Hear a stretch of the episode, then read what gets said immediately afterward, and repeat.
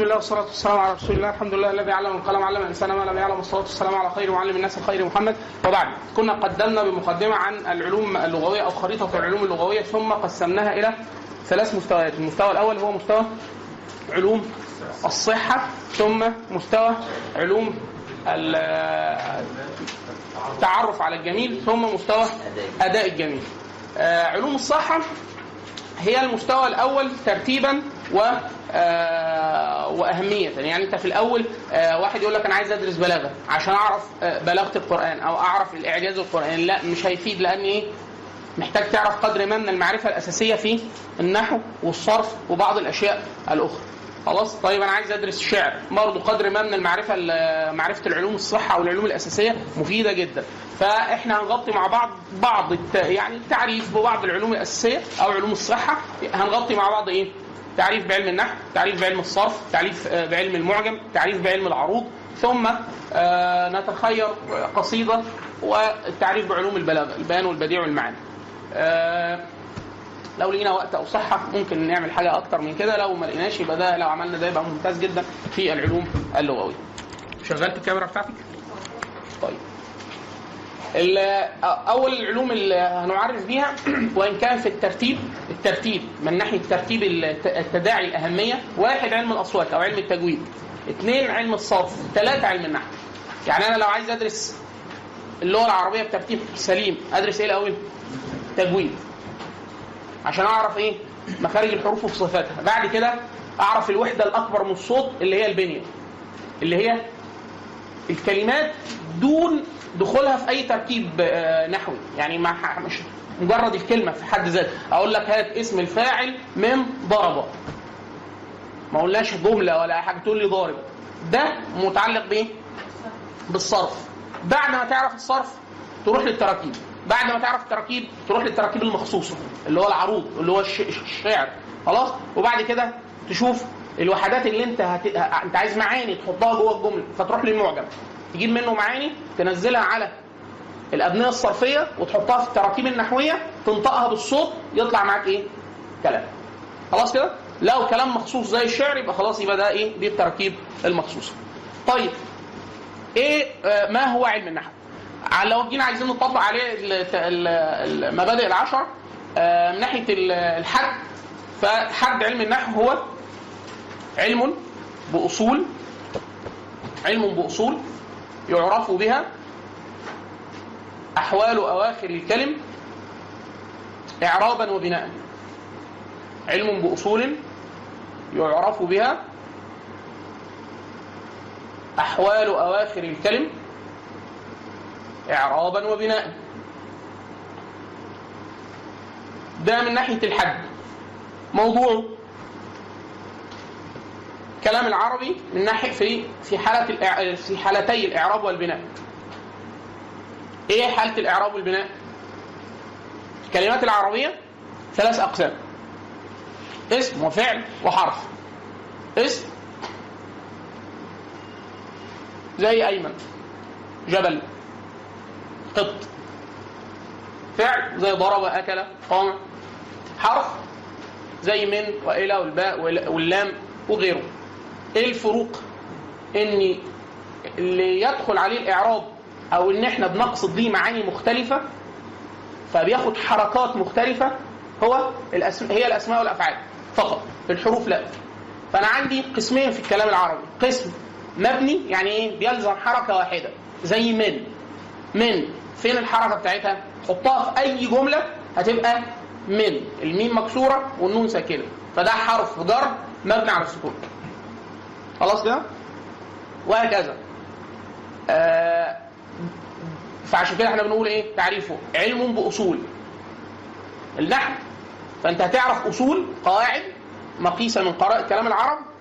علم بأصول يعرف بها أحوال أواخر أحوال أواخر الكلمة. أنا مهتم بكل حروف الكلمة ولا آخر حرف بس؟ آخر حرف في النحو. في الصرف هعكس مهتم بكل الحروف ما عدا آخر حرف. علم الأصول يعرف بها أحوال اواخر الكلم اواخر الكلم. اعرابا وبناء. يا إما يكون مبني فيلزم حالة واحدة. خلاص؟ يا إما يكون معرب فيتغير بتغير المعاني داخل التراكيب النحوية. فأنا أقول إيه؟ جاء خالد. مررت بخالد. رأيت خالدا. بخالد خالد خالدا خالدا. ليه عمال يتغير الحرف الأخير؟ لأنه ده اسم والاسم واسم معرب. معرب يعني إيه؟ يعني تدخل عليه الحركات المختلفة بحسب إعرابه في الجملة. لو فاعل هنشوف بقى مرفوع لو آه، مف- مفعول هيبقى منصوب لو مجرور هيبقى آه، مجرور عليه عليه كسرة أو على حسب حاله لأنه في حاجات ما ما بتبقى العلامات بتاعتها مش حركات بتبقى آه، حروف. خلاص كده؟ طيب يبقى موضوعه الكلمة العربية اعرابها وبناء الواضع. عندي كلام عن آه، دايما إحنا بنقول الكلام على أوليات العلوم صعب عسل. ليه؟ ما حدش كان قاعد قال لهم إن بدأوا نحو لا. طب وصحوني لما يبدأوا نحو. ما حدش عمل كده. ده هو إيه؟ في حاجة حصلت كده ظاهرة علمية إن بدأ يبقى في تصنيف وكلام وبتاع فبدأت الناس يقول لك هو مين أول عمل ده؟ فبدا تبقى عندنا روايات مختلفة. في روايات أه في كتب؟ آه كتير. دايما الناس بت- بت- بتردها لمين؟ لعلي بن أبي طالب. دكتور. علي بن أبي طالب. وسيدنا أبو الأسود الدؤلي ان سيدنا علي بن أبي طالب الصحابي جاب واحد من التابعين اللي هو أبو الأسود وقال له إيه؟ قال له لا الناس فشى فيها اللحن وكذا فأنا إيه؟ هتكلم أنا عايز أحط قواعد قواعد غير العربي يعرف بها سنن العرب في كلامه يعني قانون العرب في كلامه العرب لما بتيجي تتكلم بتقول إزاي ومن ناحية من ناحية الإعراب اللي هو الخصيصة بتاعه النحو يعني خلاص فقال له أنا لما أفتح بقي أعمل كذا بتاع في روايات كتير جدا عن سيدنا علي ليه؟ أبو الأسود الدؤلي في غيره؟ آه. إحنا بنقول إيه؟ هذه الروايات. بنرويها كما موجودة في كتب يعني يظن اني أبو الأسود. لكن بنقول إيه؟ الكلام في أوليات العلوم عسل. صعب. صعب جدا. إلا في حالة زي حالاتنا إحنا دلوقتي. لو في قسم من أقسام العلوم ظهر دلوقتي. إيه الحكاية؟ فنقدر نقول لا أصل ده في حاليا في جمعيات معظم للعلوم وفي مؤتمرات وفي تدوين تدوين دقيق وبتاع. فحاليا ممكن. لو في حاجة ظهرت نؤرخ لها بشكل أدق من القديم، لكن القديم إحنا مؤمنين تماما إن النحو ظهر وده ما كانش موجود عند العرب قبل قبل الإسلام وإنه حصل بسبب فشو اللحن. اللحن انتشر اللحن يعني الخطأ في الكلام. في بسبب دخول عدد كثير جدا من العجم في الإسلام فبدأوا يتكلموا عربي ويحفظوا القرآن فالعرب خافوا جدا على لغتهم فبدأت الارهاصات وضع القواعد اللي هي بنسميها اللغات الواسطه اللي هي العلوم. عشان يوصفوا العربي لما كان بيتكلم بيتكلم إزاي. فطلع معانا بقى علوم العربية المختلفة اللي هم ال 12 علم اللي إحنا إيه قسمناهم على الثلاث مستويات. في الأصل كلمة النحو من الناحية اللغوية بتيجي على معاني آه، مختلفة. فبتيجي على الوجهه أو الاتجاه. آه، يقول آه، مجنون ليلى آه، في المونس يقول آه، تراني إذا صليت وجهت وجهي نحوها. وإن كان المصلى ورائيا. وما بي إشراك ولكن الهوى وعظم الجوى اعيا الطبيب والمداوي فتراني إذا صليت وجهت وجهي نحوها. يعني تجاه ليلى هو طبعا أنا زمان كنت أفتكره مش مسلم. زمان أفتكر إن مجنون ليلى جاهلي. كنت أفتكره كده انطباع عندي ما دام شعره قديم وليلى ومجنون يعني شو يعني يبقى جاهلي. وبعد كده طلع مسلم. ليه حد من أساتذتنا اساتذه دار علوم فيهم ليهم عادة في الكلام فيقول لك فلان رضي الله عنه. آه، طبعا من باب إيه؟ يقول لك إيه؟ إذا يعني كل ما يتسع فهمك أو إلمامك بالعربية كل ما يتسع كلامك. يعني إيه يتسع؟ تقول الكلام وأنت مش مش قلقان. ليه؟ لأنه الكلام ليه معاني ووجوه. فأنت تقول إيه ده؟ رضي الله عنه إزاي؟ يعني ربنا يرضى عنه على الدعاء. مش مش مش رضي الله عنه. يعني زي ما تقول لك إيه؟ غفر الله له. غفر له خلاص؟ لا مش غفر له. يعني مش مش, مش على الماضي. واحد يقول لك بس غفر ده فعل ماضي. ما عشان كده إحنا بنقول لك اتعلم عربي. فعشان كده يقول لك إيه؟ ال- ال- العربية بتخلي الإنسان إيه؟ يتسع في الكلام. اثنين يتسع في تقبل كلام الناس. يعني إيه؟ نادر جدا. واحد عال واسع العلم بالعربية يخطئ أي إنسان. ليه؟ الكلام بيبقى ليه وجه. من كتر اتساع إيه؟ المامه بالعربية فبيبقى ليه وجه لد- لدرجة يقال هو المثل وإن كان يبدو خطير يعني لكن في ملمحين مهمين جدا ملمح لغوي وملمح عقدي وملمح في الأدب الشرعي واحد من الخلفاء دخل عليه واحد أعرابي وأظن واحد من بني أمية آه، فالأعراب فيهم خشونة وجلافة خلاص بس فصيح خلاص فالمطر ليه فترة ما بينزلش وبتاع. فارتجز قال أبيات من الشعر قصيرة كده. فهو بيخاطب الله عز وجل. فيقول يعني إيه أنزل الغيث لا ابا لك. حاجة كده. فده بيخاطب الله فالناس اللي اللي قاعدة اللي هو إيه ده بيخاطب المولى عز وجل. فهو الخليفة دايما يقول لك إيه صاحب العلم الواسع بالعربيه في مفلت لو ليه كلام ليه مفلت يعني يح- يحمله على إيه؟ أحسن محمل اللي ممكن يعديه يع- يعدي الكلام. فقال إيه؟ قال صدقت لا ابا له ولا أم ولا ولد. من ناحية إيه؟ من ناحية التنزيه. هو الثاني حمار يعني هو قايلها من الجلافة يعني. خلاص زي الراجل اللي جه للنبي صلى الله عليه وسلم. آه زي الاعرابي اللي بال في المسجد. دخل الجامع الناس بتصلي ودخل بال. ما فيش أي تمييز؟ لا ما فيش أي تمييز. والنبي صلى الله عليه وسلم جاله دخل على النبي فقال له يعني الوضع كذا وظروف صعبة فالنبي اداله فلوس. فقال له هل ترانا أكرمناك؟ فقال لا والله لا اكرمت ولا اجملت. طب يا ابني امال أنا اعمل إيه دلوقتي؟ أنا مش مديك لسه فلوس اهو. خلاص. فهم به الصحابة ان يفتكوا يعني انت مكذب النبي لسه مديه وبتاع فالنبي قال يعني دعوه. فاخذوه ودخل بيه جوه كلمه. ف... ف... فزاد له في العطاء فالراجل راضي فقال يعني هل ترانا أكرمناك؟ قال نعم. آه، واثنى عليه و... فقال له تطلع تقول نفس الكلام. قدام الصحابة عشان ما يزعل لا حد بعد ما تمشي يعمل فيك حاجة. فطلع فقال له هل ترانا اكرمناك؟ قال نعم يعني وأثنى على النبي زي- عارف لما يرضى؟ هو خلاص بقى. ف ف... فلما مشى الرجل قال النبي صلى الله عليه وسلم مثلي ومثله يعني آه، كرجل آه، ندت ناقته مع ناقه ففلتت وعمالة تجري والناس عايزة تمسكها. كل ما يجي يمسكوها يهيجوها أكتر. فهو قال إيه؟ خلوا بيني وبين ناقتي ما حدش يطير وراها سيبوها كده وراح خد إيه؟ حزمة من حشيش أو بتاع وقعد إيه؟ يقربها يقربها لغاية ما مسكها وأنخها وراها فيقول لو تركتكم وما أردتم آه، هلك. لو ضربوه لو ضربوه موتوه. هيبقى آخر حاجة قايلها إيه؟ مكذب النبي. خلاص لكن النبي صلى الله عليه وسلم وهو كان رحمة للعالمين يعني خدوا بأحسن آه، محمل وكلامه يعني آه، وكأنه إيه؟ يعني أكنه أكنه ما قالوش والراجل اللي جه للنبي صلى الله عليه وسلم برضه الأعراب أعرابي. فالنبي كان أبيض بشرة يعني آه، لو في حاجة حزت في جلده يبان حمار. فمسكوا من رداءه شدوا لغاية معلم في رقبته. فقال أعطني من المال الذي معك فهو ليس مالك ولا مال أبيك. اللي هو إيه؟ يعني ده بيقول للنبي. فالنبي صلى الله عليه وسلم قال صدقت ليس المال لا مالي ولا مال ابي واداله اللي هو بقى يعني إيه فعلا هو هو فعلا مش مالك ولا مال أبوك من ناحية المعنى الواسع جدا. آه خلاص. طيب. ف فال... ال... ال... ال... ال... من الناحيه ال... من الناحيه اللغوية له عدة معاني لكن إذا أطلق علم النحو أو بالاصطلاح المعاصر أحيانا بنقول علم التراكيب أو علم الإعراب يقصد به العلم المخصوص. طيب. في شواهد هنا على على المعنى دي كل دي دي معاني في اللغة. الجهة والقصد والأصل والبعض كل ده معاني من معاني النحو ما يلزمناش إحنا غير إيه؟ المثل يعني هو في ال- الرواية اللي بتروى عن سيدنا علي إن هو قال لسيدنا الأد- أبو الأسود الدؤلي قال انحو نحوي. يعني اعمل نفس الطريقة أو المنهج أو على هذا المثال الذي يعني ضربته لك.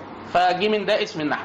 برضه الرواية بتقول كده. ليه إحنا بنقول الرواية كده؟ كلام في تاريخ العلوم عاشر جدا تمام ده ده التعريف اللي إحنا آه، ده من ناحية الاصطلاح ال- ال- الموضوع ثمرة العلوم العربية كلها عشان حتى إحنا ما نكررهاش كتير لكن كل واحد فيهم يشترك في الثمرة الأصلية بس يديك جانب ما يديهولكش العلم الأول. هو في الآخر خالص علوم العربية هدفها إيه؟ إن أنت تفهم كلام العرب الذين نزل القرآن بين ظهرانهم أو نزل فيهم القرآن ونزل بلسانهم. لو أنا فهمته إيه اللي ممكن يحصل؟ احتمال كبير لو أنا أتقنت جدا لسان العرب أفهم أفهم. آه، مراد الله عز وجل آه، بشكل صحيح. لو فهمته لو فهمته وآمنت بيه أدخل الجنة. فهو كأن النحو مفتاحك إلى الإيمان بالله. لأن أنا هو رب العزة كلمك. قد كلم الناس في القرآن. كلمهم. ده كلام الله عز وجل للناس إلى يوم القيامة. ومحفوظ. خلاص؟ طيب أنا عايز أعرف مرادات الله عز وجل. إيه بقى مراد الله عز وجل؟ أعمل إيه؟ هتحاسب إزاي؟ فهو كلمك وشرح لك ده. طيب أنا أفهمه إزاي؟ لازم تفهمه باللغة التي نزل بها.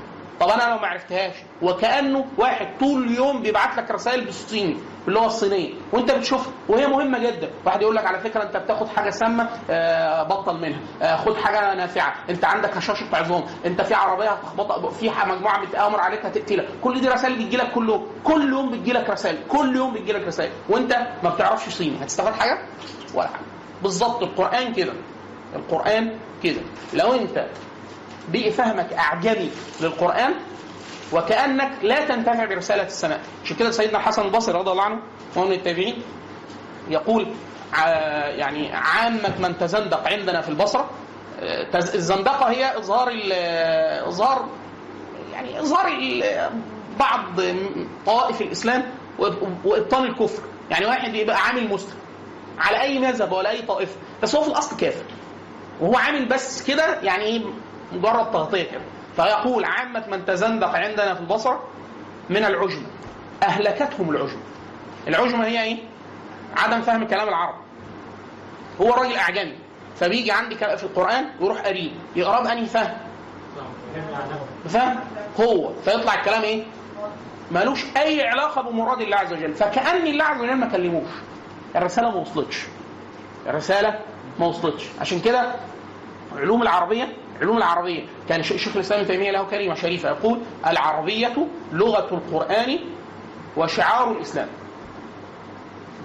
يعني لو الإسلام هيدخل مكان معين شعاره هي إيه؟ العربية عشان كده أنت مثلا لو رحت مثلا أنا لي أصدقاء كتير اشتغلوا دعوة في أفريقيا خلاص اللي راح كوت ديفوار اللي راح مالي اللي راح السنغال قال تبقى رايح. أنت داخل مجاهل قرى وبتاع مش عارف وناس بعيدة كل البعد عن أي حياه متمدنة أو كذا. تلاقي واحد قاعد أول ما يشوفك عليك عليك سمة الإسلام. يعني مثلا لابس عمامة ملتهبة يبص لك كده السلام عليكم وعليكم السلام ويبدأ يقرأ قرآن. عارف عربي كويس جدا. ولو تكلم يتكلم بفصحى سليمة مستقيمة. فين؟ في مالي في السنغال في أعداد مهولة. إيه ده؟ إيه اللي جاب العربي هنا؟ البلاد دي ليست بلاد العرب. إيه الحكاية؟ العربية شعار الإسلام. أول ما تروح في الإسلام في حتة تلاقي إيه؟ الرايه أول ما تروح لباكستان أفغانستان الهند أي حتة تلاقي الناس بدأت إيه؟ روح تركيا. الناس هناك من الدول اللي بتعتز جدا بلغتها بشكل قومي أحيانا في قدر من الغلو أو التطرف. الأتراك. خلاص دخلوا الجامع. يلا نصلي. لا إيه؟ الله أكبر الله أكبر. ال- العربي ظهر ليش؟ العربية شعار لغة القرآن وشعار الإسلام. اسم- أي مكان عشان كده دايما إحنا بنقول أي تفريط في العربية يشبه الكفر. أي تفريط في العربية يشبه الكفر. ليه؟ لأنه يفضي إلى الكفر. يفضي إلى الكفر. عشان كده شيخ الإسلام ابن تيمية المبحث ده رائق جدا. يا ريت لو حضراتكم تقروه هتنتفعوا جدا. في كتاب اسمه اقتضاء الصراط المستقيم. مخالفة أصحاب الجحيم. مشهور باقتضاء الصراط المستقيم الكتاب. كتاب اسمه اقتضاء. اقتضاء. الصراط المستقيم. عارف الصراط المستقيم؟ اللي في الفاتحة؟ اللي هو الإسلام يعني. ما هو الصراط المستقيم هو الإسلام. اقتضاء الصراط المستقيم مخالفة أصحاب الجحيم.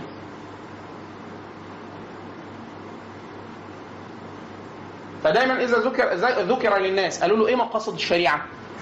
فيقول لك إيه؟ المقاصد المشهورة الخمسة. خلاص؟ اللي هو إيه؟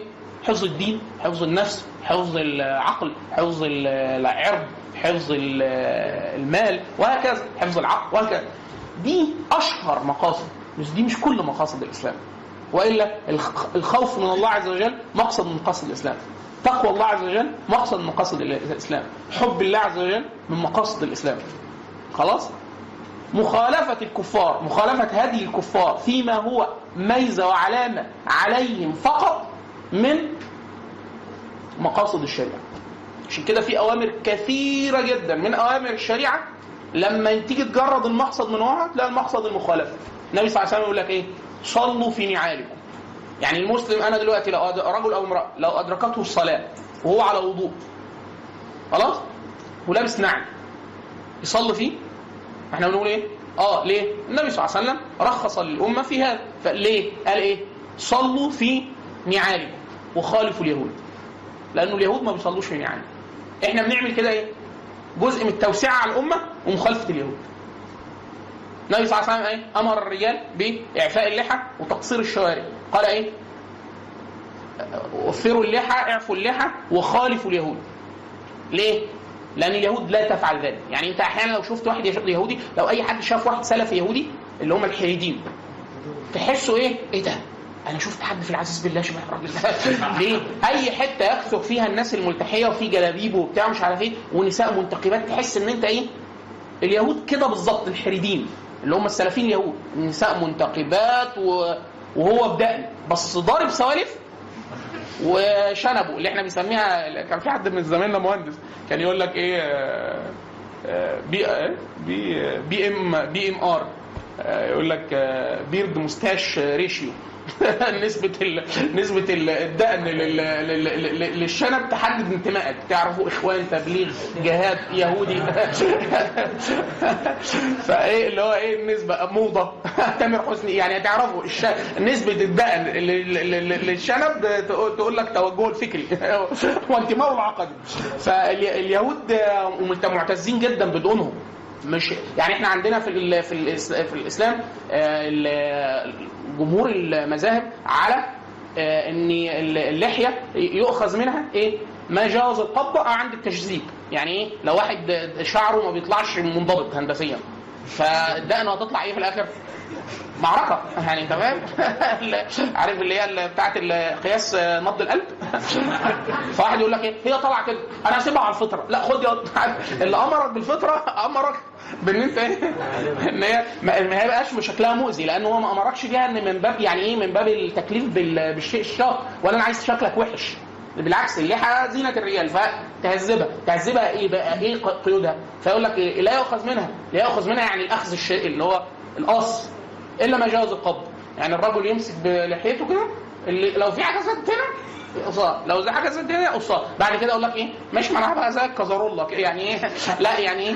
الشكل اللي يبقى إيه؟ آه مناسب. حتى ابن شهاب الزهري ابن شهاب الزهري ليه مذهب قديم اندثر ومن حفاظ ومن أول الناس دونت السنة بأمر عمر بن عبد العزيز آه الخليفة الراشد آه يقول حفظت ما لم يحفظه أحد ونسيت ما لم ينساه أحد. بيقول حفظت القرآن في ثلاثة أيام. ابن شهاب عالم كبير جدا. والعالم اللي هو ليه اوراد وبيقرا القرآن بشكل طبعا ابن شهاب كان حد يعني أحسن الله حسيبه يعني كان من علماء الأمة يعني. فهو رايح جاي على القرآن مش حافظه كله. فده مش حافظه كله يعني إيه؟ يعني حافظ 70 سورة 80 سورة ما زمان كانش لسه التحزيب والتربيه الاربعه والحاجات زي كده دي بعد كده وضعت بشكل تنظيم المصحف لكن في الأصل كانوا بالسور فواحد بينظر في مسألة فالراجل إيه يعني إيه انقطع في المناظرة. فقال له يعني فعايز يعير ابن شهاب فبيقول له طبعا مش لما تحفظ القرآن الأول. فابن شهاب أكبر جدا المقوله هو مش حافظ القرآن كله بس هي دي مش لا تعيب العالم. ليه؟ أصحاب النبي صلى الله عليه وسلم منهم من لم يأخذ القرآن كاملا وكانوا أعلم الناس. فهو إيه؟ فبيقول لك أنا قعدت ثلاث أيام قافل على نفسي في البيت فطلع حافظ. خلاص؟ فبيقول حفظت ما لم يحفظه أحد ونسيت ما لم ينساه أحد. يقول قبضت على لحيتي هو جاي يقص دقن في الواحد لما يسرح ويجي يكون ما ما أنت مديك حاجة الموبايل وحاجة ترميها في الزبالة فتروح رامي الموبايل في الزبالة وماسك البتاع حاطه على المكتب كده. فابن شهاب وده معروف ادراكيا يعني فابن شهاب حط مسك لحيته وراح قاصص إيه؟ فوق قص جزرها فقبضت على حاجة فأخذت مش من تحت القبضه لما فوق. فبوظت الدنيا. خلاص بس طبعا الحمد لله طلعت له تاني. خلاص. فالشاهد نرجع تاني. إحنا إيه اللي ودانا المشاهد خلاص فإحنا بنقول إيه؟ إن من من مقاصد الشريعة مخالفة أصحاب الجحيم. مخالفة الكفار. في إيه؟ في الهدي. يعني الشكل. فده واضح في اللحى والكلام ده. واللبس. يعني أي حاجة علم على الكفار علم على الكفار ما يلبسهاش المسلم. مثلا العمامة. العالم مليان عمائم والعمامة مش من مش من واجبات الإسلام ولا حاجة. دي من شعار العرب. العرب كانوا بيلبسوا عمائم. يعني هي حتى مش من السنة يعني سنة على النبي صلى الله عليه وسلم في اللبس على هيئة العرب. مش داخلة معانا فين؟ في صلب الإسلام. لكن في عمائم كتير. العمائم العربية معروفة. العم... في عمائم كتير في العالم. لما بتشوف عمامة السيخ السيخ تسمع تسمع عارفين السيخ ديانه ملفقه في الهند. خلاص؟ لا. عاملة زي البونيه كده. آه بيبقى باين إن هو سيخ. خلاص؟ المسلم محرم انه يلبس العمامه دي يحرم. لأن دي رمز. لأنه شعار من شعارات الكفر. السيخ دي من اللي ضال؟ كفريه فانا ما أقدرش ألبسها. ليه؟ لأني علم عليهم. خلاص؟ وهكذا. لو في حاجة الكفار هم اللي بيسوا عشان كده كان في فتاوى كثيرة جدا في مصر لما دخل الاستعمار وفي كثير من ديار الإسلام. أي حد بيلبس بدلة أو بنطلون كان بيكفروه. بدلة أو بنطلون كافر. يلا. لا ما هو ما هو الضابط إن هو إيه؟ إن يكون علم على الكفار. يعني ما بيلبسوش غير الكفار. ما بيلبسوش غير الكفار. خلاص؟ لو زي بس الموضوع الموضوع من البنطلون. ما كانش من لبس يعني وإن كان البنطلون ده موجود من قديم الهيئة. إش بس إيه؟ في بنطلون كفار. يعني فاهمة؟ واحد إنجليزي ولا بتاع. في وقت لما دخلوا مصر كان في الفتوى على كده. إنه إيه؟ ليه؟ دول محتلين ديار الإسلام. ولسه داخلين. خلاص؟ اللبس ده ما شعش ولا حاجة. ولا بيه معروف ولا بتاع. لابسه ليه؟ لابسه ليه؟ فطبعا هو أحيانا بيبقى الإحكام ده من بالذات أحكام التكفير. بيبقى الحكم على العموم للزجر بس مش على التعيين. يعني اللي يعمل كده بقى كافر بس مش كل واحد عمل كده كافر عارفين الفرق؟ الزجر بالعام آه التكفير المطلق كده اللي هو الوعيد المطلق. خلاص؟ زي إيه؟ العهد الذي بيننا وبينهم الصلاة. فمن تركها فقد كفر. ده إيه؟ نص عام كده. كل واحد تارك الصلاة كافر بعينه مسألة. دي مسألة في الفقه ومسألة إيه؟ خلاص؟ وهكذا. خلاص فنرجع تاني. أنا في النحو. هدفي إيه؟ في كل علوم العربية؟ الفهم. خلاص النحو بيديني أنهي فهم؟ جزء من فهم التراكيب والدلالات. تراكيب والدلالات. ما هو أنا لو فهمت التركيب هفهم الدلالات. طبعا إحنا لما دلوقتي هنضرب مثال على يعني إحنا بعد ما نخلص المبادئ العشرة مش هنمشي وننتقل للصرف. هو المفروض إحنا ننتقل للصرف. لكن إحنا هنعمل إيه؟ هنحاول نلخص النحو كله في 10 دقائق عشان تبقى آه آه. ما هو دايما يقولوا, إيه؟ أي علم ينفع يتشرح في 20 دقيقة وينفع يتشرح في 20 ساعة وينفع يتشرح في 10 سنين و20 سنة. هو هو. بس إيه الفرق؟ ان في فرق زي بالظبط لما حد يجيب حد يعمل كتاب كيمياء الابتدائي كيمياء الرياض أطفال. يعمل له إيه؟ محدش شاف ابدا كرتون بيشرح كيمياء أو فيزياء أو طب. كتير جدا. بيبقى الكلام إيه؟ جايب خلايا الدم كائنات وبتجري وبتلعب وبتاع. لو حد عمل كده في طب هيتكسف فاحنا بنبقى إيه كل حاجة للتبسيط. فاحنا برضو الناس عشان تبقى خارجة آه هو أنا إيه اللي هفهمه؟ يعني إيه ماشي حلو النحو؟ هف- هفهم فهفهم القرآن. إيه بقى اللي هفهم بالظبط؟ فاحنا هناخد هناخد مثال على ده. خلاص؟ ال ال عذرا. آه، ف- فالثمره الثمرة الأصلية اللي هي من كل علوم العربية من كل علوم العربية. هي فهم الكتاب والسنة في الأصل. خلاص؟ ده اصل حاجة أصل إيمان. الأصل الثمرة العملية اللي أنا هشوفها فيك. لو أنت درست نحو يعني أنت لما تدرس نحو يحصل لك إيه بقى؟ إن أنت حفظ اللسان والبنان حفظ اللسان عن الخطأ في الكلام والبناء والكتابة. تيجي تكتب عدل. مفيش همزات طايرة. مفيش نقط بايظة. مفيش خلاص.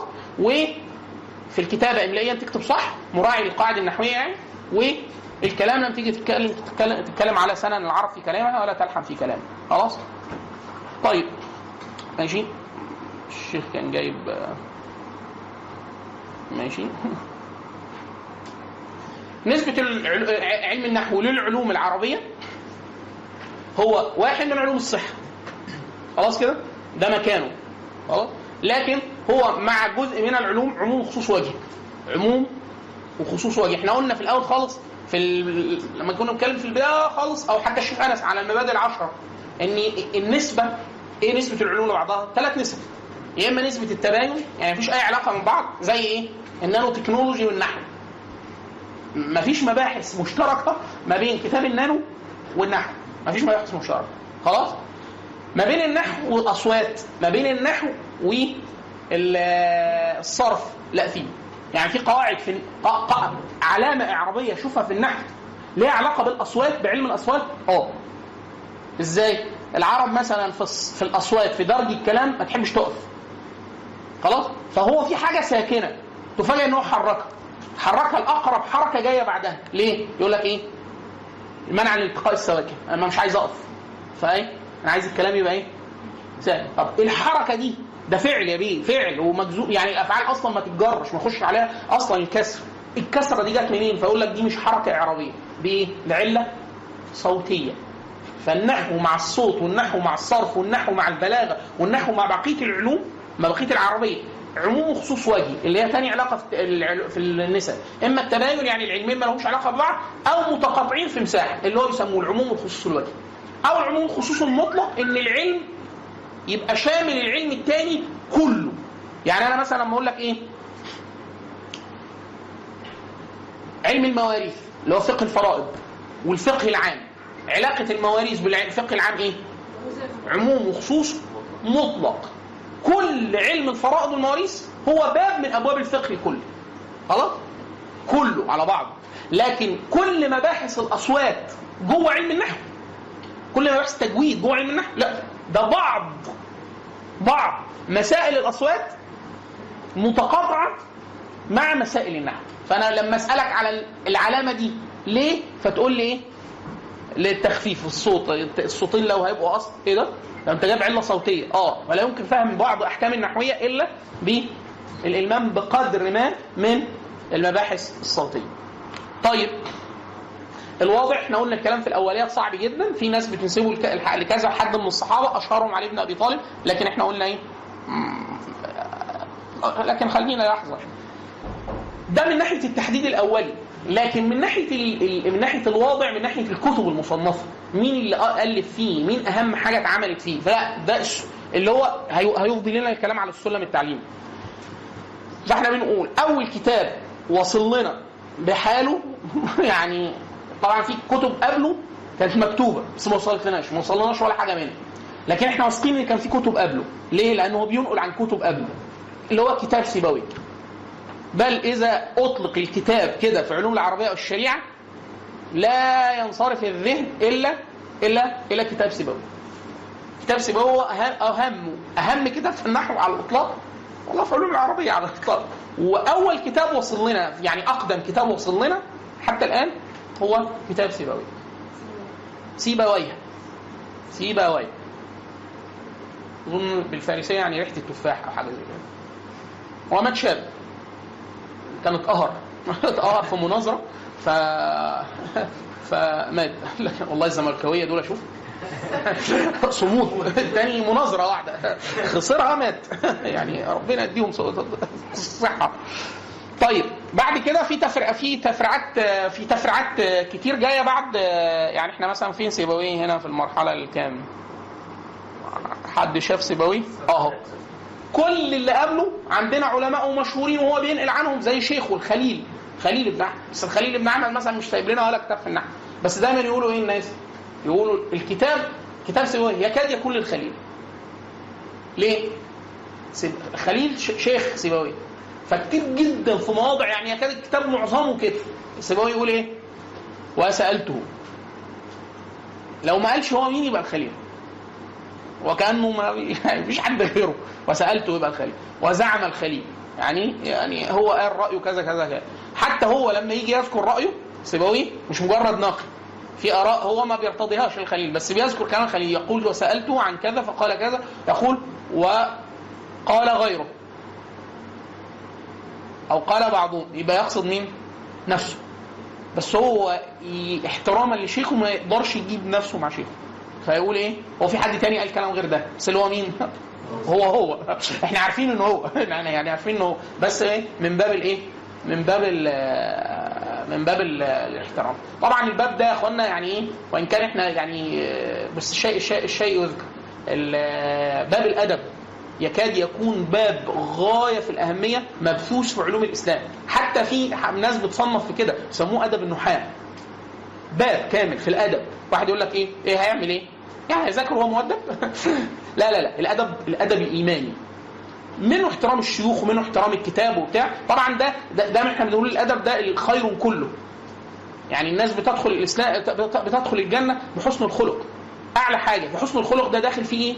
الأدب الأدب. عشان كده آه، ابن وهب آه، صاحب مالك يقول صاحبت مالك عشرين عاما فعلمني الأدب في ثمانية عشر عاما وعلمني العلم في عامين. العلم المسائل سهل. إيه الصعب؟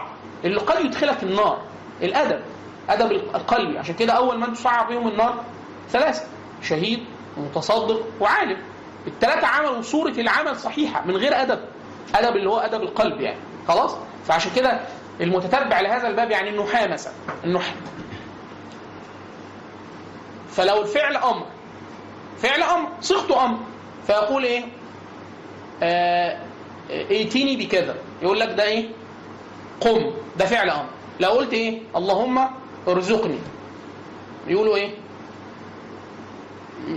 دعاء. ما يقولوش أمر. عشان المخاطب بيه إيه؟ هو الله عز وجل. اسم الله عز وجل آه أي حاجة من الاسماء الحسنى. فيقول مثلا إيه؟ آه سمعت الله في في في- كتابه يقول كذا كذا كذا. على القرآن. خلاص؟ أو آه، فتقول إيه؟ فالله. فالمفروض في الإعراب لو أي شيء غير اسم من أسماء الله الحسنى فأنت بتقول إيه؟ مفعول به منصوب بالفتحة الظاهرة لأنه اسم مفرد. لما يجي يجي عند الاسم الحسن يقولوا إيه؟ يقولوا الاسم. الاسم الحسن مفعول به منصوب على التعظيم مش على المفعولية. ونزهوا الاسم عن ده. وده باب إيه؟ باب في الأدب. الحروف الزائدة. آه، ففي أحيانا يقول لك الحرف ده زائد. زائد يعني ما يعني ملوش وظيفة نحوية مش هيغير حاجة في التراكيب في ناس أول ما يجي يتكلموا عن النص القراني ما يقولوش ده. ما يقولوش زائد. يقول لك ليس في كتاب الله حرف زائد من باب الأدب. من باب الأدب في العبارة. المعنى قد يكون الخلاصة النهائية إن أنت عايز تقول زائد في الوظيفة النحويه يعني مش الموضوع كده لكن الأدب خير كله. علماء البلاغة بيسموا السجع. لو أنت جبت كلام ينتهي بحرف وبعد كده الكلام الثاني جاي بحرف مشابه فالنغم الصوتي ده بيسموه سجع. خلاص؟ طب ما ده واقع في القرآن. ما يقولوش سجع يقولوا فاصلة. ليه؟ عشان الاصطلاح. عشان الأدب مع فالادب خير كله. فالامام أحمد في التعامل مع الكتب كتب العلم. مرة واحد من تلامذته قاعد معاه ففرغوا من شيء فركن الكتاب فركنوا كده يعني إيه؟ فالإمام أحمد بص له قال له إيه؟ هكذا يفعل بكلام الأبرار؟ يعني إحنا أنت بتقرأ إيه؟ ما ده كلام الصالحين والكلام الصالحين ده بيفسروا كلام الصالحين عشان تفهم كلام الله عز وجل. فهكذا يفعل بكلام الأبرار؟ يعني أنت تعمل كده مع واحد يقول لك إيه؟ اللي هو إيه؟ كتب النحو دي من كلام الأبرار. ليه؟ وانت لا يفهم كلام الله عز وجل إلا بتعلمك العربية. فأنت ماسك ألفية ابن مالك ولا مقدمة الاجروميه ده كلام الأبرار. فأنت تتعامل معاه إيه؟ باحترام. بل أخبرني الشيخ بالعيد الخطاط المغربي في الحلقة. الحلقة المغربية عند الحسين بتعلم الخط بإجازة. لأنه علم من العلوم الشرعية الخط. زي ما إحنا قلنا في التعرف على الجميل وأداء الجميل. فهو من علوم العربية فهو علم شرعي. تكتب به المصاحف ويكتب به العلم وتكتب به آه يكتب به الدعاء وتنزيه الله عز وجل وهكذا. فالخط أداة من أدوات من الاداه الشرعية يعني. خلاص؟ فالشيخ بالعيد شيء يعني خطاط بس خطاط. محترف. وبيعلم الخط بالإجازة. يعني لو أجازك يجيزك مثلا في النسخ يجيزك في الرقعة لو خلصت كله وهكذا. خلاص؟ فخدنا مرة خدنا له رحلة أطفال عندنا في مدرسة أربع سنوات وكذا فعايزين نعلمهم قدر كبير من الآداب الشرعية. فبنوديهم فمرة نوديهم وديناهم مساجد مساجد قديمة مدارس شرعية فوديناهم المدرسة دي. بحيث إيه؟ خشوا لا الناس قاعدة بهدوء وبتاع لأن المدرسة عليها سمت شرعي. فالناس مش قاعدة بتدرس هي مش مش فنون جميلة. بندرس خط. أنت بتدرس علم شرعي. فالناس بتبقى داخلة بسيب الجزمه بتاع المخططين المشاهير القدامى ما يكتبوش ابدا كلمة إلا على وضوء. يقوم يتوضا ويكتب. ليه؟ عشان شرف ال شرف ال هو هيعمل ده. إحنا بنبقى قاعدين ليه؟ يعني مش قاعدين بنحسن خطوطنا. كده. لغرض لا لا لا. ده غرض شرعي. فهو الراجل كان قاعد فجايب حاجة وبيقط فيها القلم. الأقلام بتبقى الأنواع مختلفة فبيقطها. يعني ياكل منها كده عشان يعملها على هيئة معينة. فكان بيقول المشايخ الأتراك اللي اتعلمنا عليهم البرايات برايات القلم دي يجمعوها ما كانوش يرموها يحطوها على أسطح المنازل يتبركوا بها يقول الله عز وجل أقسم بالقلم هو أداة العلم. خلاص؟ اقرأ باسم ربك الذي خلق خلق الإنسان من اقرا وربك الأكرم الذي علم بالقلم. فيقول لك القلم ده حاجة شريفة جدا. وأول ما خلق الله عز وجل في الحديث الصحيح الحديث القدسي أول ما خلق الله عز وجل خلق القلم. فقال اكتب قال ما, ما اكتب قال اكتب ما هو اكتب ما هو واقع أو هو ما يجي إلى يوم القيامة. يعني أقدار العباد يعني. خلاص فيقول لك ده حاجة شريفة جدا. فأنت بتتعامل مع حاجة شريفة جدا. فتتعامل معاها بنفس قدر الشرف. خلاص؟ وطبعا لو حد شاف كتب كتب الحديث والعلوم باب دايما في باب الكتابة. اني لا يمحى بالتفل. آه، لو تكتب حاجة في العلم ولا بتاع مش عارف إيه ولو زمان كانوا بيكتبوا في ألواح والالواح بتمحى بالماء تتكتب إزاي وما تجيبش عليها مش عارف إيه وال... ليه؟ كل ده عشان إيه؟ هو أصلا النية مش منفكه عن أي حاجة أنت بتدرسها. فأنت بتدرس نحو ولا صرف أنت قاعد في مكان شريف بتدرس علم شريف عشان يوصلك لفهم كتاب الله عز وجل. فده لا يرفع عن العموم ده الشاي بالشاي يذكر والنحاة ليهم تفصيلات لطيفة جدا في مصطلحاتهم أول ما تيجي المصطلح تلاقيه قرب من حاجة إيمانية تلاقي إيه؟ تلاقي تلاقي الاصطلاح اتغير بسبب فكرة ال ال ال الأدب العام. لكن نرجع تاني. آه، فده اللي جرينا كلام سيبوي عن كلام سيبوي مع الخليل. إن هو إيه إذا ذكر الخلاف لا يذكر نفسه على صعيد مع الخليل. ما يقولش أنا وهو لا. يقول لك الخليل قال وغيره قال كذا كذا كذا.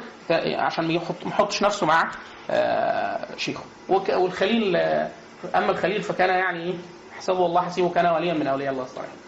كان كان زاهد جدا وعالم جدا ووضع علوم لم يسبق اليه يعني هو أول من رتب المع- المع- المعاجم على طريقة على غير مثال. هو اللي حط علم العروض هنتعرض له إن شاء الله النهارده. وكان مقبول الراي عند أهل الحديث. وطبعا علم النحو كله خارج من من بطن الخليل يعني. طيب أهم الكتب المصنفة في الفن؟ طبعا إحنا ممكن في حاجات هنتفق معاها مع التقسيم وممكن في حاجات هن- هنقول هنقول غيرها. من ناحية الترتيب التاريخي أهم كتاب واقدمهم الكتاب بتاع سيبويه وبعد كده تأتي أشياء. إما لمعارضة الكتاب أو حاجة على هيئة الكتاب بس بترتيب مخصوص. لكن إحنا عايزين نقلب ال نقلب ال نقلب التصنيف. يعني نخليها إيه؟ من البسيط في السلم التعليمي. الناس في العموم إذا ابتدأت في دراسة النحو معظم الناس في لأنه أحيانا المشارق والمغارب بيبقوا مختلفين في السلم التعليمي. يعني مصر والمغرب مصر وال مصر والعراق والحجاز بيبقى لنا ترتيب في العلوم آه، وسلم تعليمي. وأهل تونس والمغرب والأندلس القديم وكذا ومعاهم ملحقين بهم البلاد الأفريقية زي موريتانيا ودول السودان. السودان بالمع... مش السودان دولة السودان يعني الزنج يعني في العموم ليهم ترتيب مختلف في أحيانا في بعض. في بعض العلوم. خلاص؟ آه معظم الناس بتبتدئ بالمقدمة الأجرومية. ابن أجروم أصلا آه، مغربي. دايما إحنا بنقول سبحان الله العظيم. هذه العلوم يعني دلالة على فكرة اللي إحنا الصلاح اللي إحنا كنا بنقوله إن في واحد يبقى جاي متأخر ويكتب حاجة المقدمة الأجرومية دي ما تتجاوزش 10 صفحات.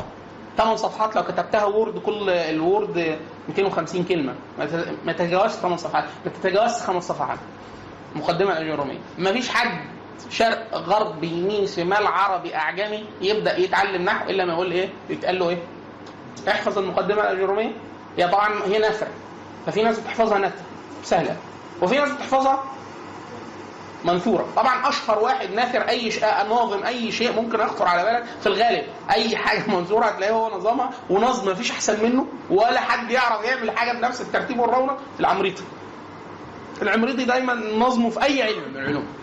بيبقى رائق جدا جاي مظبوط مفيش أي كلمات زيادة مفيش أي كلمات حشو بتاع بيبقى حاجة يعني منضبطة جدا. لكن في ناس ما زالت حتى الآن بيحفظوا المقدمة حفظ نثر ودايما حتى بعض المشايخ دايما يقول لك إيه؟ اتعلم إن أنت ما دام ناوي تحفظ احفظ نثر واحفظ نظم يعني ما تعودش نفسك تحفظ شعر بس.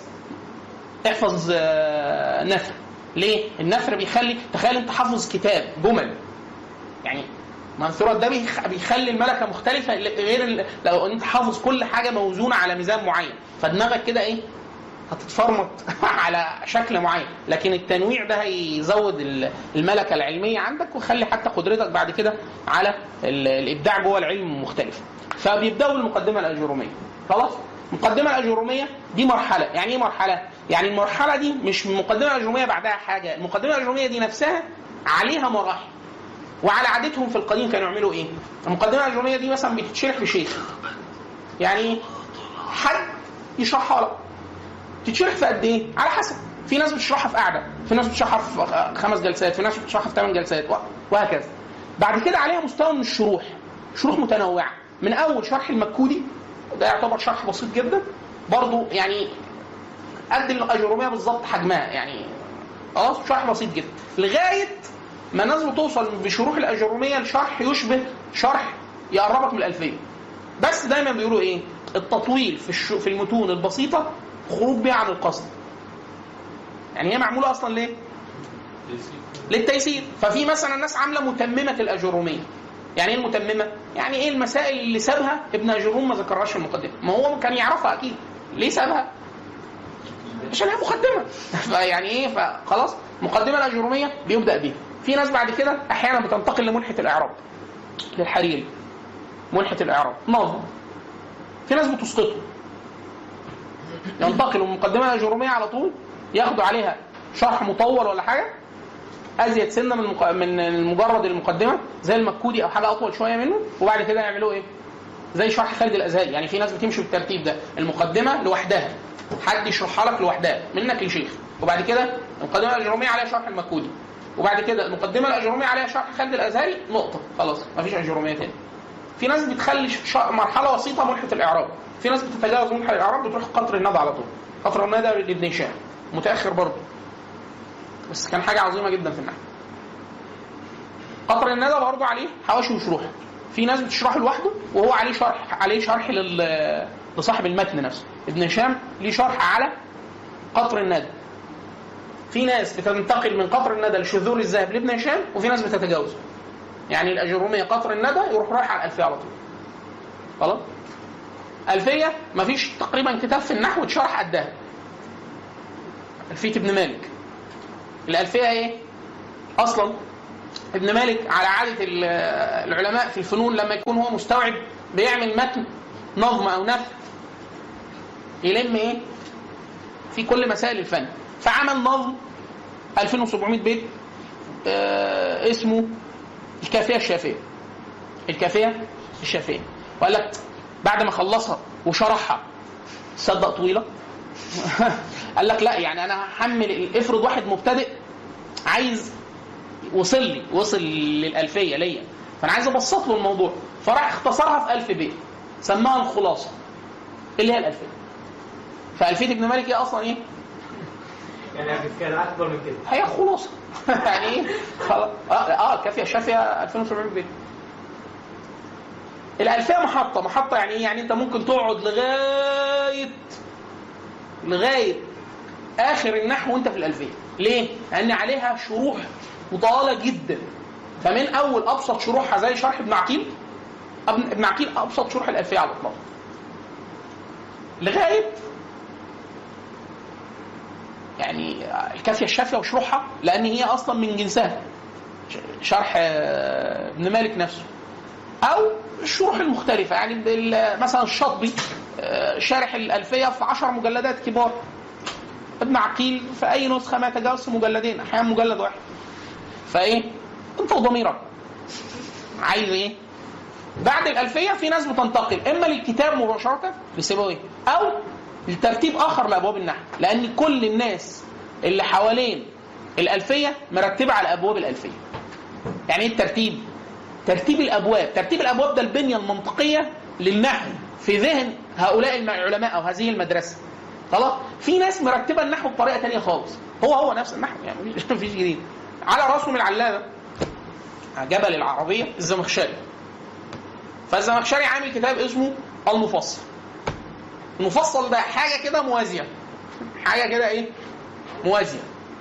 حاجة مختلفة عن ترتيب الألفية هو و واحد اسمه ابن الحاجب. الحاجب برضه من الأسماء المهمة. إحنا بالترتيب كده مدرسة الألفية اللي إحنا يعني مثلا اللي إحنا قلنا مقدمه المقدمة الأجرومية ملحة الإعراب قطر الندى شذور الذهب الألفية. ده كده بالطول بالتوازي ابن الحاجب. ابن الحاجب ليه متنين مشهورين جدا. متن مستوعب لمسائل النحو اسمه الكافية نثر. وليه متن مستوعب لمسائل الصرف اسمه الشافية نثر. ابن الحاجب ليه متنين كافية والشافية. الكافية في النحو الشافية في الصرف. عامل برضه هو متن مهم جدا فالناس مسك مسكته واتشرح أهم شروح على الإطلاق عليه لدرجة ان مصطفى صادق الرفيعي الأديب كان يقول أجل كتب العربية على إطلاق في النحو والصرف شرح الرضي على الكافية والشافية. الرضي الشريف الرضي ليه شرح على الكافية وشرح على الشافية. شرح الراضي على الكافية وشرح الراضي على الشافية يقول مصطفى صدق الرافع يقول دول من أجل ما كتب في علوم النحو والصرف. خلاص؟ نفس المدرسة بتاعت ابن الحاجب وغيره الزمخشري في المفصل. المفصل برضه معمول بطريقة مختلفة. أشهر أشهر شروحه على الإطلاق ابن يعيش. طبعا هو مشروح كتير المفصل مشروح كتير جدا لكن مش كل الشروح طبعا بدرجه واحدة آه، شرح آه، شرح ابن يعيش هو يكاد يكون أشهر آه، أشهر أشهر الشروح. تقريبا يوصل 10 مجلدات بس مجلدات لطيفة. يعني المجلد ما يتجاوزش 120 صفحة ولا حاجة. خلاص؟ طبعا ده في كتاب موسع يعتبر شامل جدا يعتبر حاجة كويسة. خلاص؟ قطر الندى ليه شروح كتيرة. الم- اللي الناس دايما معتمدة عليه شرح قديم اللي هو شرح الماتن نفسه اللي هو ابن هشام. الم- الماتن صاحب المتن اللي كتبه شرحه. خلاص؟ وشرح العلامة محي الدين عبد الحميد. محمد محي الدين عبد الحميد ليه شرح على قطر الندى. خلاص؟ وعلى شذور هو ما بيبقاش شرح هو بيبقى حاشيه مطوله بيبقى إيه؟ شارح فيها حاجات ومبسط العبارة جدا ومعرب جميع الأمثلة سلامات شاعر أي حاجة تيجي يعربها لك إعراب كامل. عشان كده في ناس بتحب حواشي محمد محي الدين عبد بشكل غير عادي وهي تستحق. أي كتاب ممكن تتخيله ابن عقيل محمد محي الدين عبد ليه حاشيه عليه؟ قطر الندى ليه حاشيه عليه؟ شذور الذهب ليه حاشيه عليه؟ آه الاجروميه التحفة الثانية ليه شرح عليها؟ إيه ميزته؟ إن هو مبسط جدا ومعاصر ومستوعب وما بيسيبش كلمة ما بيعربهاش. كل الشواهد. الشواهد الشعريه إعراب كامل. آية إعراب كامل. فأنت بتبقى قاعد إيه؟ الشغل خلصان. أنت بس. افهم بس اللي هو بيقول. خلاص؟ الألفية. عليها أوضح المسالك.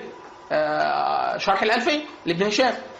محمد بن محي الدين عبد الحميد عامل حاشية. حاجة الكلمتين فوق تلاقيهم هنا وانت تبقى يا ترى قصد إيه تنزل تحت؟ زي خمس صلع خمس سطور ست سطور يقصد كذا اوعى تبقى بقى- يروح شارحه وبعد كده ضارب مثالين اللي هو انت بتبقى قاعد. آه والله الراجل ده يجي معانا في فعشان كده في ناس بتحب الشيخ محمد محي الدين بشكل غير عادي. ليه؟ مفيش مرحلة من مراحل النحو إلا تلاقيه معاك. قاعد نفسك في إيه؟ يشرح الاجروميه شارحها تحفة ثانية طيب قطر الندى حاشية. شذور الذهب حاشية. آه الألفية حاشية. قصرت معاك كده. طبعا حتى الشروح المطولة زي الأشموني آه برضه عامل حاشية بس ما كملهاش. يعني مش عامل حاشية هو شرح. بس رحمه الله توفي وإحنا واقف عند باب البدن أظن حاجة زي كده فما كملوش. لكن نرجع تاني. دي المحطات الأساسية. بعد كده الناس بتنتقل لكتاب سيبويه خلاص يعني انت عندك صحة لياقه بدنيه خلصت اللي إحنا قلناه روح بقى إيه للكتاب. طبعا كتاب سيبويه خلاص يعني إحنا كده إيه سقف الدراسات النحوية. يعني إيه مفيش دايما الناس أول ما يجي يروح يمين لا سيبويه يعني إيه أعلى حاجة وأقدم حاجة والغريب جدا عشان كده دايما يقولوا كتا- كتاب سوي يكاد يكون مفيش حاجة زيه في الفن في أي فن. ليه؟ يعني مثلا عبد القاهر الجوجاني لما نيجي نتكلم عن البلاغة آه كتب دلائل الإعجاز وصار البلاغة آه هو يعتبر مشقق علم البلاغه هو اللي بدعه يعني. خلاص؟ آه الكتاب ناقص مباحث كتيرة جدا بعد كده ناس استدركتها عليه. لأنه أول كتاب في الفن. لكن سيبويه. مفيش حاجة في النحو مش موجودة في الاسلاميه فهو الناس بتستغرب إن إزاي كتاب يتكتب وده بيتقال ما تبيضش يعني هو ده اللي كان كاتبه مات بالغيظ هو مات شاب مات حاجة و30 سنة. فاللي هو مات وكتبه وهو صغير. وما بيضوش وبتاع وطالع بالإتقان ده ف إيه بقى؟ يعني عمل كده إزاي؟ عشان كده دايما الكتاب دايما بيقولوا إيه كده؟ كتاب لوحده في التصنيف وفي الطريقة وفي كل حاجة. فحاجة يعني إيه؟ حاجة ودايما يقولوا إيه؟ انه هيعتزوا جدا بالكلمة دي. يقول لك إيه؟ يقول لك كل الكتب بحاجة إلى كتاب سيبويه وكتاب سيبويه كتاب سيبويه غير محتاج إلى أي كتاب. يعني أنت عشان تفهم أي كتاب لازم تدرس نحو. عشان تفهم كتاب سيبويه هو أول كتاب. يعني هو أول حاجة النحو. يعني فعشان كده أقول لك إيه، كل العلوم محتاجة لنا. كان إحنا؟ محتاج الحاجة لكن إحنا طبعا بنقول إيه ده؟ من باب النعرات ما بين كل علم. كل واحد بيبقى متصور إن العلم بتاعه إيه؟ يعني أهم حاجة على الإطلاق. لكن إحنا دايما بنقول إن هو في الآخر كل هذه العلوم يجب ألا ينسى الدارس إنها علوم وسائل لي للوصول لشيء. آه أنت هتكسب حاجات كتيرة جدا في النص. يعني فهمك هيزيد آه هتبقى أكثر ادبا أكثر رقة أكثر مشاعرك هتبقى كويسة. ليه؟ العربية دايما يقولوا إيه من تعلم العربية رق طبعه. يبقى بني آدم كده. ليه؟ المعاني اللي هو إيه؟ أي حد يقولها كده في سطر تلاقي إيه هو إيه؟ موضوع إيه؟ والمشاعر سهل جدا عليه فهم المشاعر الإنسانية. ليه؟ الشاعر اسمه شاعر. ليه؟ بيشعر ما بما لا يشعر به غيره. يعني هو بيقول لك إيه؟ شفت دي؟ أيوه أنا كنت حاسسها بس مش عارف أقولها. هو بيقولها لك. هو بيقولها. خلاص؟ فالأدب ده بيأثر. لكن دي حاجات أهداف في النص وأهداف اجتماعية. من تعلم العربية قويت حجته. يعني لما يجي يتكلم تلاقي واحد كلامه موزون وكلامه مظبوط ولا يلحن وبتاع أي حد بيخبر الكلام ويبقى قاعد إيه حاسس بإيه قدر من الرهبة. واحد يقول لك إيه ده بيتكلم وما بيغلطش. لا ده جامد. يعني إيه بيبقى الكلام شكله إيه زي بالظبط لما إيه خطيب يطلع يخطب خطبة. فلو خطب خطبة في المسجد وباللغة العامية لو واحد قام خطبة رزينه صحيحة فصيحة الناس تحس إيه؟ واقع الكلام. واقع الكلام مختلف. لكن ده ما يخليش الإنسان ينسى في الأصل الغرض منه. وده حتى الناس الت- التفت ليه في القديم مع النحو وعلوم الآلة بالذات بالذات. الإطالة جدا في علوم الآلة. فحد كان كان كاتب قايل بيتين شعر كان بيقول مكب على النحو ينحو به ليسلم في قوله من خطل. يقول أقوم زيغ اللسان فهل لا يقوم زيغ العمل؟ يعني أنت بتقول له أنت إيه؟ انت قاعد مكب على النحو بتعمل بيه إيه؟ يقول لك مكب على النحو ينحو به ليسلم في قوله من خطل. الخطل هو الخطأ يعني فهو مش عايز يلحن. يقول أقوم زيغ اللسان. يعني أنت بتتعلم النحو ليه؟ عشان ما ألحنش في الكلام. فهل لا يقوم زيغ العمل؟ هو إحنا أصلا بنتعلم ده؟ عشان تفهم عن الله عز وجل. بعد ما تفهم عن الله عز وجل يستقيم قلبك وعملك. فلو ما استقامش يبقى لم تنتفع. عشان كده دي الثمرة. الثمرة. هي الثمرة الظاهريه ضبط اللسان والبنان. لكن الثمرة الاساسيه الفهم عن المنان. يعني هو إن أنت تفهم بالظبط هو رب العزة ع- مراده منك إيه؟ وتعمل. ما واحد ممكن يفهم. يقول لك أنا عارف إيه المطلوب. طب ما تعمله. يعني إيه؟ لا. خلاص. فده ال- ال- الترتيب. طبعا في طبعا الأمة الإسلامية العربية كم التصانيف اللي عندنا في علوم العربية يكاد يك- يكاد يكون لم يصنف مثله في أي لغة لا قبل العربية ولا بعد العربية. مفيش. ليه؟ الاهتمام بتاعنا كان اهتمام شرعي. يعني إيه شرعي؟ يا بيه إحنا هنخش الجنة لو فهمنا الكتاب ده. فما فيش أي حاجة متعلقة بعلوم العربية أي فكرة تخطر على بالك ما اتعملتش. يعني مثلا النحو تلاقي واحد كاتبه تدريبات. موصل الطلاب إلى قاعد الإعراب. واحد عامله آه اسمه إيه ده؟ آه متن صغير واحد مشروح. طب واحد مش عارف واحد بعد ما شرح يقول لك إيه؟ لا طول مني أختصره. آه علماء العربية تلاقي ماسك الكتاب شرح ثلاث شروح. شرح المبتدئين والمتوسطين والمتقدمين. آه في ناس عاملة تطبيق يجيب لك إعراب قرآن. في ناس عاملة إعراب شعر. في ناس عاملة إعراب حديث نبوي. في ناس في ناس بتعرب المتون النحوية. يعني تلاقي واحد قاعد يقول لك إيه؟ أنت بتدرس الاجراميه يمكن ما تفهمهاش. طب هتعمل إيه هعربها لك. ويعمل لك حشي على الاجراميه إعرابها. في ناس عاملة كده في الألفية. كيفيه ابن مالك. أنت هتحفظها. ما أنت ممكن تكون مش فاهمها. والله لا تكون مش فاهمها. إعراب كامل. طب إحنا بندرسها عشان نعرف الإعراب. اعربها لك. الأول. منها هو طبعا بيبقى إيه؟ بيجرب نفسه. اثنين اثنين أنت كطالب فعلا وأنت لما بتيجي تحفظ أبيات الألفية أو أي متن حتى لو نثري في أحيانا ما بتبقاش فاهم هو إيه معنى الكلام؟ ده ليه منصوب؟ فهو بيستعين بده على إفهامك. وما دام وصلت للألفية أنت ما جيتش بالباراشوت على الألفية. أنت إيه؟ عديت على متون كتير جدا. فإيه؟ ومنها تطبيق. يعني بدل ما يجيب لك تطبيق من بره طبعا أنا أنا شخصيا أنا أيمن بفضل جدا إن يكون التطبيقات على الكتاب والسنة وأبيات الشعر الفصيحة. عشان كده في ناس عاملة إيه؟ النحو القرآني. والصرف القراني يعني إيه؟ كل الأمثلة كل الأمثلة من القرآن. كل الأمثلة في الصرف من القرآن. خلاص؟ اللي هو إيه؟ أسيبك؟ لا. وهكذا. فإحنا الحمد لله يعني إيه؟ طبعا فالكتب كتير جدا لكن اللي إحنا فيه قلناه آه، فيه كفاية. طيب التسمية ماشي خلاص علم النحو. أحيانا المعاصرين آه، لما يجي في ست النحو بنقول علم التراكيب. أو علم التركيب السنتات يعني. فمن باب التأثر بال- بالعجم يعني. لكن هو إيه الاسم القديم علم إيه؟ نحو أو علم الإعراب. إحنا بناخد قاعدة النحو منين؟ يعني مين قال إن دي قاعدة؟ مين اللي قال؟ مين اللي حط القانون ده؟ يعني فعل مرفوع. مين اللي قال ده؟ مين ده؟ فإحنا بنقول والله ده علم استقرائي. يعني إيه؟ يعني إحنا بنروح للنصوص الفصيحة. اللي هي؟ هنا يبدأ الخلاف. فاحنا عندنا القرآن الكريم بكل قراءاته الصحيحة والمتواترة والشاذة حجة في اللغة القرآن الكريم بكل قراءاته المتواترة والصحيحة والشاذة حجة في العربية. ليه؟ المتواتر ده اللي هو إيه؟ منقول لنا طبقة عن طبقة عن طبقة عن طبقة الأعداد فيها شرط عددي مع- معين أو شرط. شيوع كبير جدا في كل طبقة. الصحيح بيبقى ناقص شرط عن شرط التواتر بس صحيح. زي قراءات الصحابة.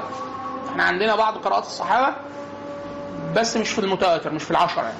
مثلا في القراءات مش في العشرة الكبرى مثلا أو الصورة حتى. خلاص؟ طب الشاذ؟ ده ناقصه شرط أساسي عشان يبقى قرآن أصلا. ما ينفعش ما ينفعش حد يقرأ بيه في. في ال- في الصلاة. خلاص؟ بس حجة في العربية. ليه؟ لأن اللي نقله لنا اللي نقله لنا إحنا بنسقط شرط من شروط إن هو قرآن بس ما بنسقطش شرط إن الراجل اللي نقله فصيح فهو عربي. بس الوجه ده من ناحية العربية يصح من ناحية القرآن لا يصح. ناقص سند ناقص مش عارف إيه مخالف للرسم العثماني وهكذا رسم المصحف وهكذا. ففي شوية شروط إن هو إيه؟ إن هو يكون الإسناد. إحنا عشان أقول إن ده قرآن وأقرأ بيه في الصلاة وتصح بيه الصلاة. الجمهور على إيه؟ إن هو يكون إسناده متصل. ليك إسناد متصل للنبي صلى الله عليه وسلم وإلا جه منين القرآن ده؟ وإن هو يوافق وجه من وجوه العربية. ثلاثة إن هو يوافق الرسم الرسم العثماني. فأنت مثلا إحنا بنقرأ في مصر مالك يوم الدين. قرأت حفص عن عاصم الجمهور بيقرأ يعني حفص قارئ تاني مالك يوم الدين. الجمهور مالك يوم الدين. طب هي مرسومة في المصحف إزاي؟ مالك يوم الدين مش مالك. طب دي واحد يقول لك يبقى مالك صحيحة؟ آه. ليه؟ الاسناد صحيح. ووجه العربية الدلالة الصرفية مالك ومالك آه مقبولة. وإيه تاني؟ ويقبلها الرسم الش... ليه؟ لأن ده إشباع لحركة. مالك فتحة مالك فتحة طويلة فده ما حصلش حاجة الرسم ينفع فيه كده. خلاص زي ما إحنا بنقول إيه؟ بنكتب هذا. إحنا لما بنيجي نكتب هذا بنكتبها إزاي؟ ما بنكتبش ها وده الصحيح يعني هو لو مشينا على الصوت هنكتب ها ذا. صح كده؟ بس إحنا بنكتبها هذا. ونعمل أحيانا ألف فنجريه كده اللي هو إيه؟ في في بتاع هنا طول. ما تيجي هنا طول شوية. خلاص؟ فاحنا الرحمن. المفروض لو إحنا ملناش دعوة بالرسم القرآني بس إحنا مركزين قوي على يعني إحنا لما نكتب بسم الله الرحمن الرحيم. آه فالرحمن الرحمن. بعد الميم في ألف. بس إحنا ما بنكتبهاش كده. ليه؟ الرسم المصحفي كده. بس تقبل إن هي تتنطق إيه؟ الرحمن. ليه؟ لأنه ده اشباع حرف خلاص كده؟ فالاستمداد. فاحنا القرآن بقراءاته. الصحيحه الشاذه المتواتره والشعر الفصيح شعر الاحتجاج. يعني إيه شعر الاحتجاج؟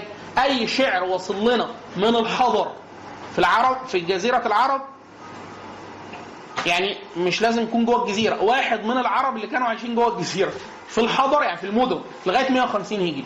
بعد كده لا. خلاص. كانوا قعدوا معاهم العجم فبوظوا لهم لسانهم. زي لو واحد صعيدي مثلا هو صعيدي. جه زيارة نزل أسبوع القاهرة ورجع. ما زال صعيدي. ولهجته يحتج بيها في الصعيد هي. لو قعد في القاهرة 10 سنين خلاص بقى هيهات ما مره حد أبو عمرو بن العلاء كان قاعد مع حد من علماء العربية والاثنين تقال جدا. فبيقول له كيف تقول من كذا؟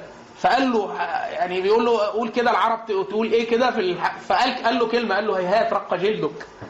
يعني إيه؟ قال له أنت سبت الصحراء والأعراب وجيت قعدت في بغداد. خلاص. هيهات رق جلدك. بقيت ناعم. فبتتكلم زي أهل الحضر. فباظت اللغة. هم مين؟ عشان كده يقولوا إيه؟ لغة الاحتجاج تتمد من 150 في البدو ل 220 وفي ناس بتوصلها أكتر من كده. ليه؟ ده راجل قاعد ما شافش لا عجم ولا فرس ولا نط ولا مصر ما فيش حد عدى عليه. فالراجل لسه قاعد إيه؟ على قديمه. أه؟ فأنا أنا مثلا أنا راجل من الصعيد. عشت طول حياتي لغاية سنة 2005 في الصعيد. خلاص؟ فالمفروض ساعتها لغاية وقتها يتقال عليا صعيدي. لا. لو واحد صعيدي صعيدي من صعيد من قرى أو مراكز. آه، يقول لك من محافظة من البندر يعني. ليه؟ لأن أنا من محافظة مش من الصعيد مش من قرى أو مراكز أو بتاع. فلهجتي أقرب للقاهريين طبعا أقرب لكن أي حد مميز يعرف إن أنا مش قاهري. ليه؟ في حرف في النص كده أروح مطلعه تلاقي الحرف طالع مظبوط. فيقول لك لا. الراجل اللي كنا إحنا في أسيوط في الجامعة طلبة في هندسة وصيدلة وبتاع عايزين نحفظ قرآن. فكنا بنحفظ بنصح على شيخ اذان اسمه الشيخ وحيد ربنا يحفظه حيثما كان يعني ينفع بيه. من أتقن الناس اللي شفتها في حياتي حتى الآن في حفظ القرآن. الشباب مرة حد تم وراه رمضان كله قراءة. خلاص ما ردوش ولا مرة. وهو كان بيختم في رمضان. ولا مرة. الشهر كله. متقن جدا. وكان ماجستير حديث وكان راجل يعني راجل احسبه الله حسيبه كان رجل يعني رجل صالح يعني. فهو إحنا بنروح اول مرة نتعرف على عليه وبتاع كليه إيه هندسة صيدلة مش عارف إيه وبتاع اقرأ. حافظ حاجة اقرأ أو مش حافظ يقول لك اقرأ حتى أي حاجة أو قول الفاتحة بس عايز إيه؟ يشوف حجم المجهود. فكانوا الشباب اللي جايين من هنا من القاهرة واسكندرية وبتاع تلاقيه قاعد حضرتك من بحري؟ آه. واضح القطر داس على لسانه. باظ. الصعايدة إحنا كلنا الحروف اللي هي الضاء والضاد والصاد تلاقيه إيه؟ الصوت جاي من الجاهلية. جاي.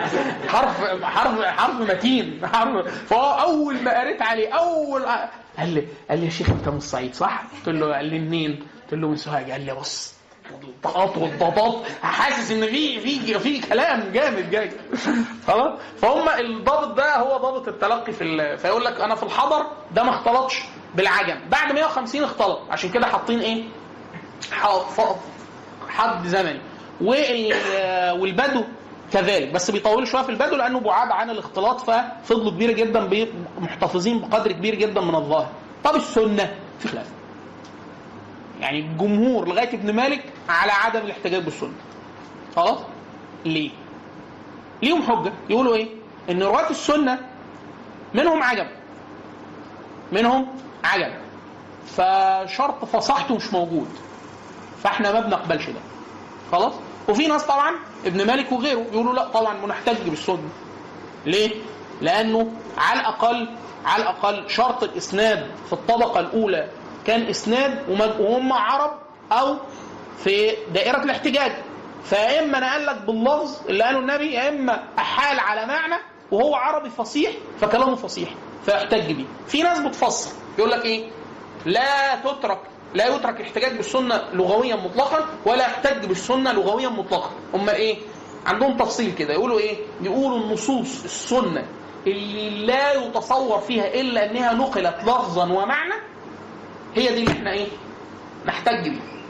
مثال إيه الحاجة اللي انت تبقى واثق 100% ان ملهاش روايات؟ يعني انت مثلا لو حديث إنما الأعمال بالنية إنما الأعمال بالنيات إنما العمل بالنية إنما الأعمال بالنية آه، فمن كانت هجرته إلى امرأة يتزوجها فمن كانت هجرته إلى امرأة ينكحها. عندنا روايات كتير لنفس الحديث وكلها من عمر بن الخطاب والحديث صحيح ومقبول عند علماء الحديث بإجماع. حلو كده؟ بس عندنا روايات كتير. في فين الحديث اللي ملهاش روايات؟ مثال حديث الأذكار. يقل جدا فيها الروايات. يعني أنا أقول لك إيه؟ قول لي سيد الاستغفار. فتقول نص. دور نعمش اطلع يمين اطلع شمال في الآخر هتلاقي إيه؟ في الغالب. نص واحد. التشهد. لا تلاقي نصوص أكتر. بس إيه؟ سبع نصوص. ما عندناش نصوص تصح أكتر من كده. خلاص؟ التكبيرات التهليلات وهكذا. فتلاقي إيه؟ ففي ناس يقول لك لا شرط يفرقوا هذا التفريق وفي ناس ما بتفرقش وناس تقيلة جدا زي ابن مالك وغيره وغيره. دكتورة خديجة الحديثي العراقية يعني آه، هي علامة يعني آه، كان ليها دراسة مطولة جدا عن الاحتجاج بالسنة ويعني استوفت المسألة طبعا هي مع مع الاحتجاج طبعا مع الاحتجاج بالسنة. طيب. حكم صاحب الشريعة إحنا بنقول إن هي إيه؟ في قدر منها فرض عين وفي منها القدر الباقي فرض كفاية. ففرض الكفايه هو إيه؟ العلم طلب العلم اللي هو التوسع فيه يعني. خلاص اللي هو إيه؟ السلم التعليمي اللي إحنا قلناه وبتاع بعد يقول لك إيه؟ يعني أنا لو ما حفظتش المقدمة الاجروميه وما ذاكرتهاش وبتاع ده هيحصل حاجة في إسلامي كده فأنا بقول له ده فرض كفاية. يعني إيه؟ بعد يقول لك طب حلو خلاص ما ادرسش نحو خالص. هتولع. تولع إن شاء الله. ليه؟ هتأثم. تأثم. يعني إيه؟ في قدر من في قدر في قدر من فهم العربية يتعين على كل مسلم معرفته. يعني في قدر من التجويد يتع... التجويد علم التجويد يتعين على كل فرد انه يعرفه إن هو إيه؟ يصح كلام يصح قراءة القرآن يقرأ قراءة صحيحة حتى لو مش عارف اسم الحكم مش عارف إن ده إخفاء مش عارف إن ده إدغام مش عارف سيبك من الأحكام. مخارج الحروف التي تحيل المعنى. لو جبت لو أنت ما نطقتش لو نطقت الطاء الطاء تاء راح المعنى باظ. لو أنت في حاجات مش هيفرق مش هيفرق. يعني أنت لو أنا قلت إيه؟ آه الذين يقيمون الصلاة. كده.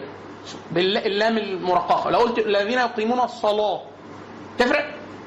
في الصوت يفرق. في, الاثنين الاثنين معنى واحد والاثنين قرآن. دي قراءة تغليظ قراءة ورش. خلاص؟ طيب في حاجات لو اهدنا الصراط المستقيم. اهدنا الصراط المستقيم. تفرق؟ ما تفرقش. في الصوت واحد ومقروء بها خلاص دي قراءة ودي قراءة. اهدنا الصراط المستقيم اهدنا الصراط المستقيم اهدنا الصراط المستقيم. ثلاث قراءات مقبولة كلهم إيه؟ في العشر. خلاص كده؟ ففي أصوات لو أنت أحلت عليها مش هيحصل حاجة. وفي حاجات لو أحلتها المعنى باظ. المعنى باظ. ده يلزمك معرفته القدر ده من معرفة التجويد. طب في حاجات في النحو يلزمك آه أنت بت- بتدخل الإسلام بإيه؟ بقول لا إله إلا الله محمد رسول الله. فلا إله إلا الله على الأقل تعرف لك حاجة في المعجم تعرف معنى إله. وتعرف معنى لو إلا. وهل إن هنا إلا دي إلا الاستثنائية؟ ولا هي مش الاستثناء خالص وهو ده الصحيح إن هي غير؟ بمعنى غير. لا إله غير. خلاص؟ فما تكونش ابدا إلا الاستثنائية. ليه؟ ده يتعرف في النحو في باب الاستثناء. ففي أنت عندك قدر. عايز تعرف يعني لا إله إلا الله؟ دي باب. باب لا نافيه للجنس وباب الاستثناء إلا وغير. هل إلا دي معنى غير ولا إلا بمعنى الاستثناء؟ وده معنى مش حقيقي. ومعنى معجمي معنى إله ومعنى الله. عشان تقدر تقول هو إيه اللي أنت بتقوله ده. خلاص كده؟ فيلزمك ده. يلزمك قدر من العربية في الفاتحة. فهم. يلزمك قدر من العربية في فهم أذكار الانتقال وتكبيره التكبيره الدخول. دخول الصلاة الفاتحة الت- التكبيرات ال- ال- الأذكار الأساسية سبحان ربي الأعلى سبحان ربي العظيم الله أكبر سبحان الله استغفر الله التشهد وهكذا. ده يلزمك قدر ما تق- تقيم بيه لسانك عشان تقوله عدل مظبوط وما تلحنش فيه في القراءة بالذات كمان في القرآن لأن أنت ممكن تصح صوت صوت وتغلط نحو. تمام كده؟ وتعرف المعاني. المعاني. بحيث لما تيجي تدعو الله عز وجل ما تدعوش دعاء أعجمي. يعني إيه؟ تدعو بكلام مش عارف هو معناه إيه. أو يلتبس عليك المعنى فأنت بتبقى متصور إن هو معنى معين. هو عند التصحيح مش هو المعنى اللي أنت بتقوله. فمثلا لما أنت بتقول الدعاء بتاع آه آه اللهم اجعل القرآن العظيم آه، ربيع قلبي ونور صدري وجلاء حزني وذهاب يعني إيه ربيع قلبي؟ فأنت بسبب العامية بتفهم إن معنى الربيع هنا وده محتمل في العربية إن هو الربيع ال- الفصل فهو في الغالب هنا معنى الربيع اللي هو المطر اللي ينبت الكلى فربيع قلبي يعني ال... كان قلبك جاف زي التربة الجاف فلو نزل عليها الربيع اللي هو المطر يطلع إيه؟ هو ده فأنت بتدعي إيه؟ قولوا المصحف هو ده هو ده الربيع اللي أنا بدعي بيه بقى تلاقي الكلام إيه؟ اتغير. المعنى اللي انت بتقوله اللي انت متصوره مش صحيح. خلاص؟ أو حاجة ثانية خالص. غير اللي انت كنت بتقوله. تمام كده؟ طيب ففي العلم طلب العلم النحو. وبقية العلوم هنقولها كده برضه علوم العربيه في كفايات لكن في قدر ما يتعين عشان تفهم قدر ما من ال... خلاص ماشي. ده إحنا فكرة إن العربية مرتبطة دي. طيب المسائل اللي هي فهرس الفن يعني. إيه ال- اللي انت هتدرسه؟ انت تتوقع في أي حاجة هتيجي تدرس فيها متن صغير متن كبير هتدرس فيها إيه؟ إحنا بنقول اعراب البناء طيب البناء ده خلاص هو بيلزم حالة واحدة. الحالة واحدة عايز تقول إيه الحالات اللي هي بتاعت الاعراب؟ البناء دي هتشوف. وال الاعراب هياخد إيه بقى؟ فانت عايز تعرف إيه هي المنصوبات إيه هي المرفوعات إيه هي المجرورات إيه هي المجزومات وهكذا. إذا اكتمل ليك المبا... المبني الم... المبني والمعرب أو المبنيات والمعربات خلاص كده دي ده المسائل. طبعا اللي إحنا بنقوله المسائل ده اللي هو اجمالا هو دي المسائل هو ده النحو اللي الناس بتاخد فيه إيه؟ 10 سنين 20 سنة يشرحوا فيه وممكن يتشرح في 10 دقائق زي ما إحنا إيه؟ هنعمل بعد الصلاة. نصلي إن شاء الله ونطلع. نقول 10 دقائق خريطة النحو كده كشكل كبير ننتقل إلى علم الصرف